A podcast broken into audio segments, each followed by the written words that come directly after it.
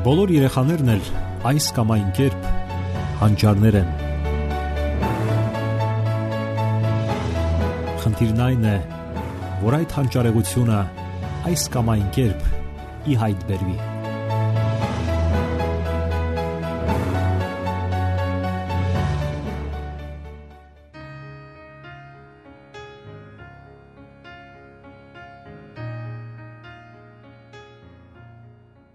Բարև ձեզ սիրելի ռադիո լսողներ։ Եթերում դասերակցություն հաղորդաշարն է։ Նախորդ հաղորդումների ընթացքում մենք խոսել ենք հերոստատեսության եւ մանկական ագրեսիվության միջև եղած կապի մասին։ Հերոստատեսությունը իդեմս բազմաթիվ հետաքրքիր եւ կարեւոր հաղորդաշարերի ունի նաեւ այնպիսի ծրագրեր, որոնք իրենց մեջ բազմաթիվ վտանգներ են պարունակում։ Այն հաստատվում է բազմաթիվ փորձերով եւ հետազոտություններով։ Բռնության եւ ագրեսիայի, սպանության տեսարանները այնպես են մատուցվում երեխաներին եւ նույնիսկ մեծահասակներին, որ նրանք թեթևորեն ընկնում են հոգեբանական նրբորեն մշակված թակարդները որովհետև հերոստատեսային տեսարանները մատուցվում են գեղեցիկ եւ հրապուրիչ, գայթակղիչ, գունավոր եւ շարժուն երեխաներին մատչելի եղանակներով։ Եվ այսպես, ինչպիսի հաղորդումներ են սիրում երեխաները։ Ամենից առաջ նշենք մուլտֆիլմերը։ Կան անկասկած օգտակար, բարձր արժեք ունեցող մուլտֆիլմեր, սակայն ահա արևմտյան մուլտֆիլմերի կերպարները այլանդակ են եւ արտաքինից վանող։ Ինչու՞։ Հարցն այն է, որ երեխան նույնականացնում է իրեն ոչ միայն կերպարների վարքագծի հետ, Նմանակման մեխանիզմները երեխաների մոտ ռեֆլեկտոր են եւ այնքան նուրբ, որ թույլ են տալիս որսալու հուզական չնչին փոփոխությունները, նուրբ դիմախաղերն անգամ։ Այդ կերպար հրեշները չարամիտ են, բութ եւ հիմար, եւ նույնականացնելով իրենց այդ կերպարների հետ երեխաները որսում են թե արտակինը, թե դիմախաղերը, ներքին ապրումներն ու վարքագիծը ապա սկսում են վարվել համապատասխան ձևով։ Սակայն չէ որ հնարավոր չէ վերցնել, նմանակել արտաքին շարժու ձևը, իսկ հոգու խորքում մնալ բարի։ Այս երկվությունը սովորաբար ավարտվում է երեխայի ագրեսիվության հաղթանակով։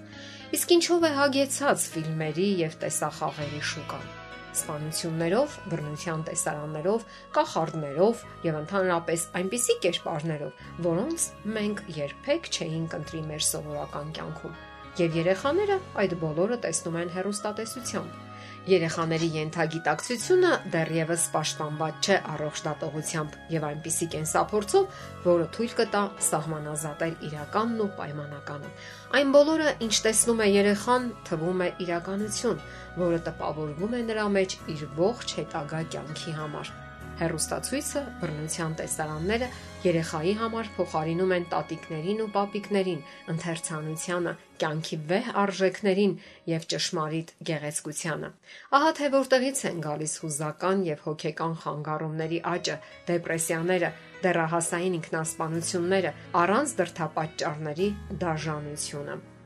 Բոլոր դեպքերում ինչու՞մ է թաքնված հերոստացույցի գլխավոր վտանգը։ Առաջին հերթին այն ընկճում է կամքը եւ գիտակցությունը, ցուցաբերելով այնպիսի արդյունք, որը նույնական է թմրանյութերի ազդեցությանը։ Ամերիկյան հոկեբան Մորին գրում է, որ նյութի տևական ընկալումը հոգնեցնում է տեսողությունը, առաջ բերելով հիպնոտիկ քարացածություն, որն ուղեկցվում է կամքի եւ ուշադրության թուլացմամբ։ Երբ որոշակի տևողությամբ լուսային բռնկումները, թարթումը եւ որոշակի ռիթմերը սկսում են համագործակցել ուղեղային ալֆա ռիթմերի հետ, որոնցից էլ կախված է ուշադրության կենտրոնացման ընդունակությունը, դա քայքայում է ուղեղային ռիթմիկան եւ զարգանում է ուշադրության խախտման համախտանիշ գերակտիվության հետ միասին։ Ուրիշ ինչն է ազդում երեխայի հոգեբանության վրա տեսողական եւ լսողական տեղեկատվության հսկայական հոսքը, որը կենտրոնացվածություն եւ մտավոր ջանքեր չի պահանջում, այլ ընդունվում է пассив ձևով։ Ժամանակի ընթացքում դա տեղափոխվում է իրական կյանք եւ երեխան շարունակում է նույն կերպ անցալել այն։ Եվ ավելի ու ավելի դժվար է դառնում տնային առաջադրանքները կատարելու ժամանակ կենտրոնանալը, մտավոր եւ կամային ջանքեր ներդնելը։ Երեխան ընտելանում է կատարել միայն այն, ինչը ջանքեր չի պահանջում։ Երեխան դժվարությամբ է ներգրավվում ուսումնական գործընթացների մեջ։ Դասերին երանդուն չի լինում։ Դժվարությամբ է ընկալում ուսումնական ինֆորմացիան, իսկ առանց մտավոր երանդուն գործունեության չեն զարգանում նյարդային կապերը, չի զարգանում հիշողությունը եւ ընկալումները։ Կարելի է միանշանակ փաստել, Հերոստացույցը եւ համակարգիչը խլում են մեր երեխաների ապագան։ Բակ հասկացությունը, որպես այդպիսին, համարյա գոյություն չունի։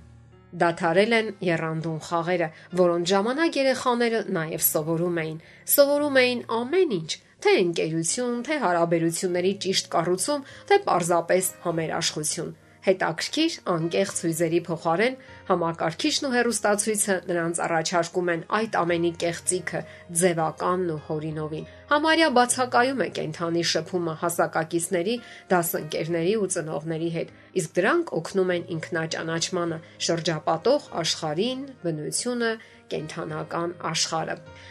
Մեկ այլ վտանգ է ընթերցանության բացակայությունը Համակարգիչը համարյա թե ամբողջովին կլանում է երեխաների ժամանակը։ Երեխաները ժամերով, եթե ոչ օրերով, կարող են նստել համակարգչի առաջ ու կլանված դիտել, խաղալ։ Համացանցը առաջարկում է համարյա թե անսահման հնարավորություններ դրա համար։ Հասկանալի է եւ այն, որ նրանք ինչ որ բան սովորում են այդ գործընթացում, սակայն դրանք երբեք չեն կարող փոխարինել կենթանի եւ աշխույժ փոխհարաբերություններին գրքերի ընթերցանությանը։ Որոշ գրքեր հարկավոր է կարդալ մանուկ եւ պատանի ժամանակ, որոնք անջնջելի հետք են թողնում երեխաների երևակայության վրա, իսկ մանկությունը անցնում է։ Անցնում է առանց գեղեցիկ հույզերի ու տպավորությունների ու հիշողությունների։ Հարգելի ծնողներ, ձեր փոխարեն ոչ ոք չի հետևելու ու կարգավորելու ձեր երեխաների ժամանակն ու հնարավորությունները։ Կարգավորեք եւ համակարգված ձևով կազմեք նրանց օրվա ընթացքը Ավելի շատ շփվեք նրանց հետ, ավելի շատ զրուցեք, տվեք կենթանի շփումների ու փոխհարաբերությունների ավելի շատ հնարավորություններ, խիստ սահմանափակեք վիրտուալ շփումները։ Դրանք ինքնին կարող են լինել։ Վաղ թե ուշ երեխան շփվելու է այդ աշխարհի հետ, սակայն կարելի է նվազագույնի հասցնել այն ժամանակ, որը նախատեսված է աշխարհանկալման ու ճանաչման համար։ Հասկանալի է, որ այսօրվա մեր աշխարհը այլևս այն չէ, ինչ ասենք 20-ից 30 կամ 50 տարի առաջ։ Հիմա այլ իրականություն է՝ թվային տեխնոլոգիաների դարաշրջան, եւ այնուամենայնիվ մենք կարող ենք խելամիտ օգտագործել դրանք, իշխանություն ունենալ դրանց վրա, թույլ չտալ, որ դրանք իշխեն մեզ վրա։ Դե ինչ, ժամանակը չի սпасում։ Մեր երեխաները մեծանում են, անցնում է նրանց մանկությունը որը անկրկնելի է ու եզակի։ Անենք այնպես, որ ոչինչ չխաթարի այն, մնալով լավագույն ժամանակաշրջանը նրանց կյանքում։ Իսկ դա կարող ենք անել միայն մենք։ Սիրելի ռադիոլսողներ, եթերում դասերակցություն հաղորդաշարն է։ Ձեզ հետ է Գեղեցիկ Մարտիրոսյանը։ Ձեզ ուզող հարցերի համար կարող եք զանգահարել 093 00 63 27 կամ 094 93 55 77 հեռախոսահամարներով։